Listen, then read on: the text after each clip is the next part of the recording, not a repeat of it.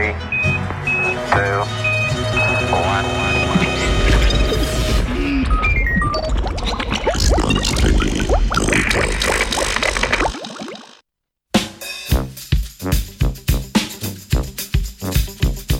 Hura za kožne probiotike. V reviji Science Translational Medicine poročajo o spodbudnih rezultatih zdravljenja atopijskega dermatitisa z uporabo bakterijskega seva kožnega probiotika Rosemonas mucosa.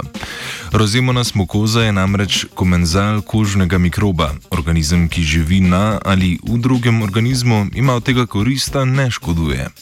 Omenjena bakterija je bila najpogosteje prisotna bakterija, izolirana iz kože zdravih prostovoljcev in prostovoljk.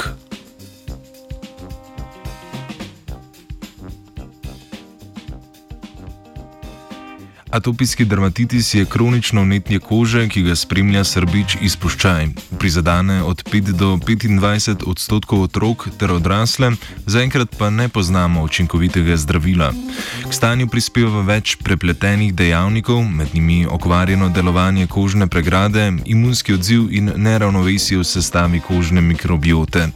Slednje se pri atopijskem dermatitisu nanaša predvsem na razrast patogene bakterije Staphylococcus aureus. Z uporabo kožnega probiotika, torej bakterije, ki je sicer prebivalec zdrave kožne mikrobiote, želimo preprečiti ali omejiti naselitev bakterijskih patogenov in tako ublažiti ali celo preprečiti vnetje.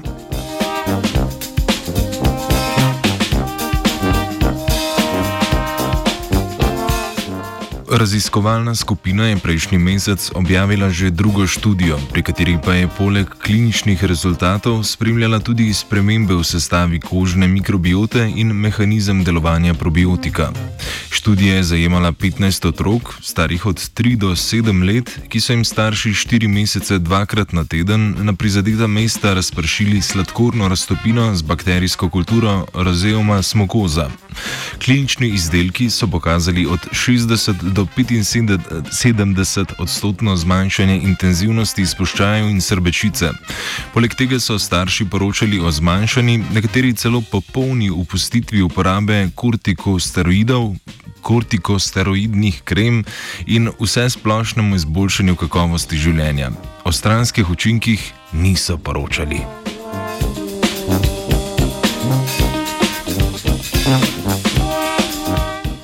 Analiza sestave mikrobnih združb na koži je pokaža, pokazala, da se je v času terapije zmanjšal delež patogene bakterije Staphylococcus aureus, kar nakazuje na vzpostavitev ravnovesja kožne mikrobiote. Mehanizme delovanja rozemona smokoza pa so raziskovalci in raziskovalke odkrili v njeni sposobnosti sinteze sfingolipidov. Gre za organske spojine, ki jih uvrščamo med lipide, v pogovornem jeziku pa jih pogosto imenujemo maščobe. Sfingolipidi okrepijo kožno pregrado, da izgublja manj vode, protivnetno delujejo na imunski sistem in preprečujejo naselitev patogenega stafilokoka.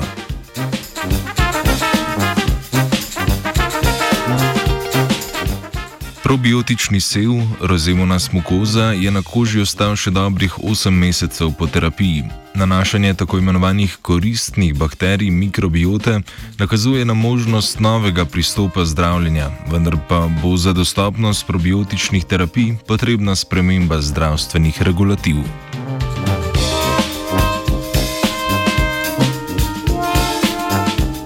Uporabo probiotikov pozdravlja Teja.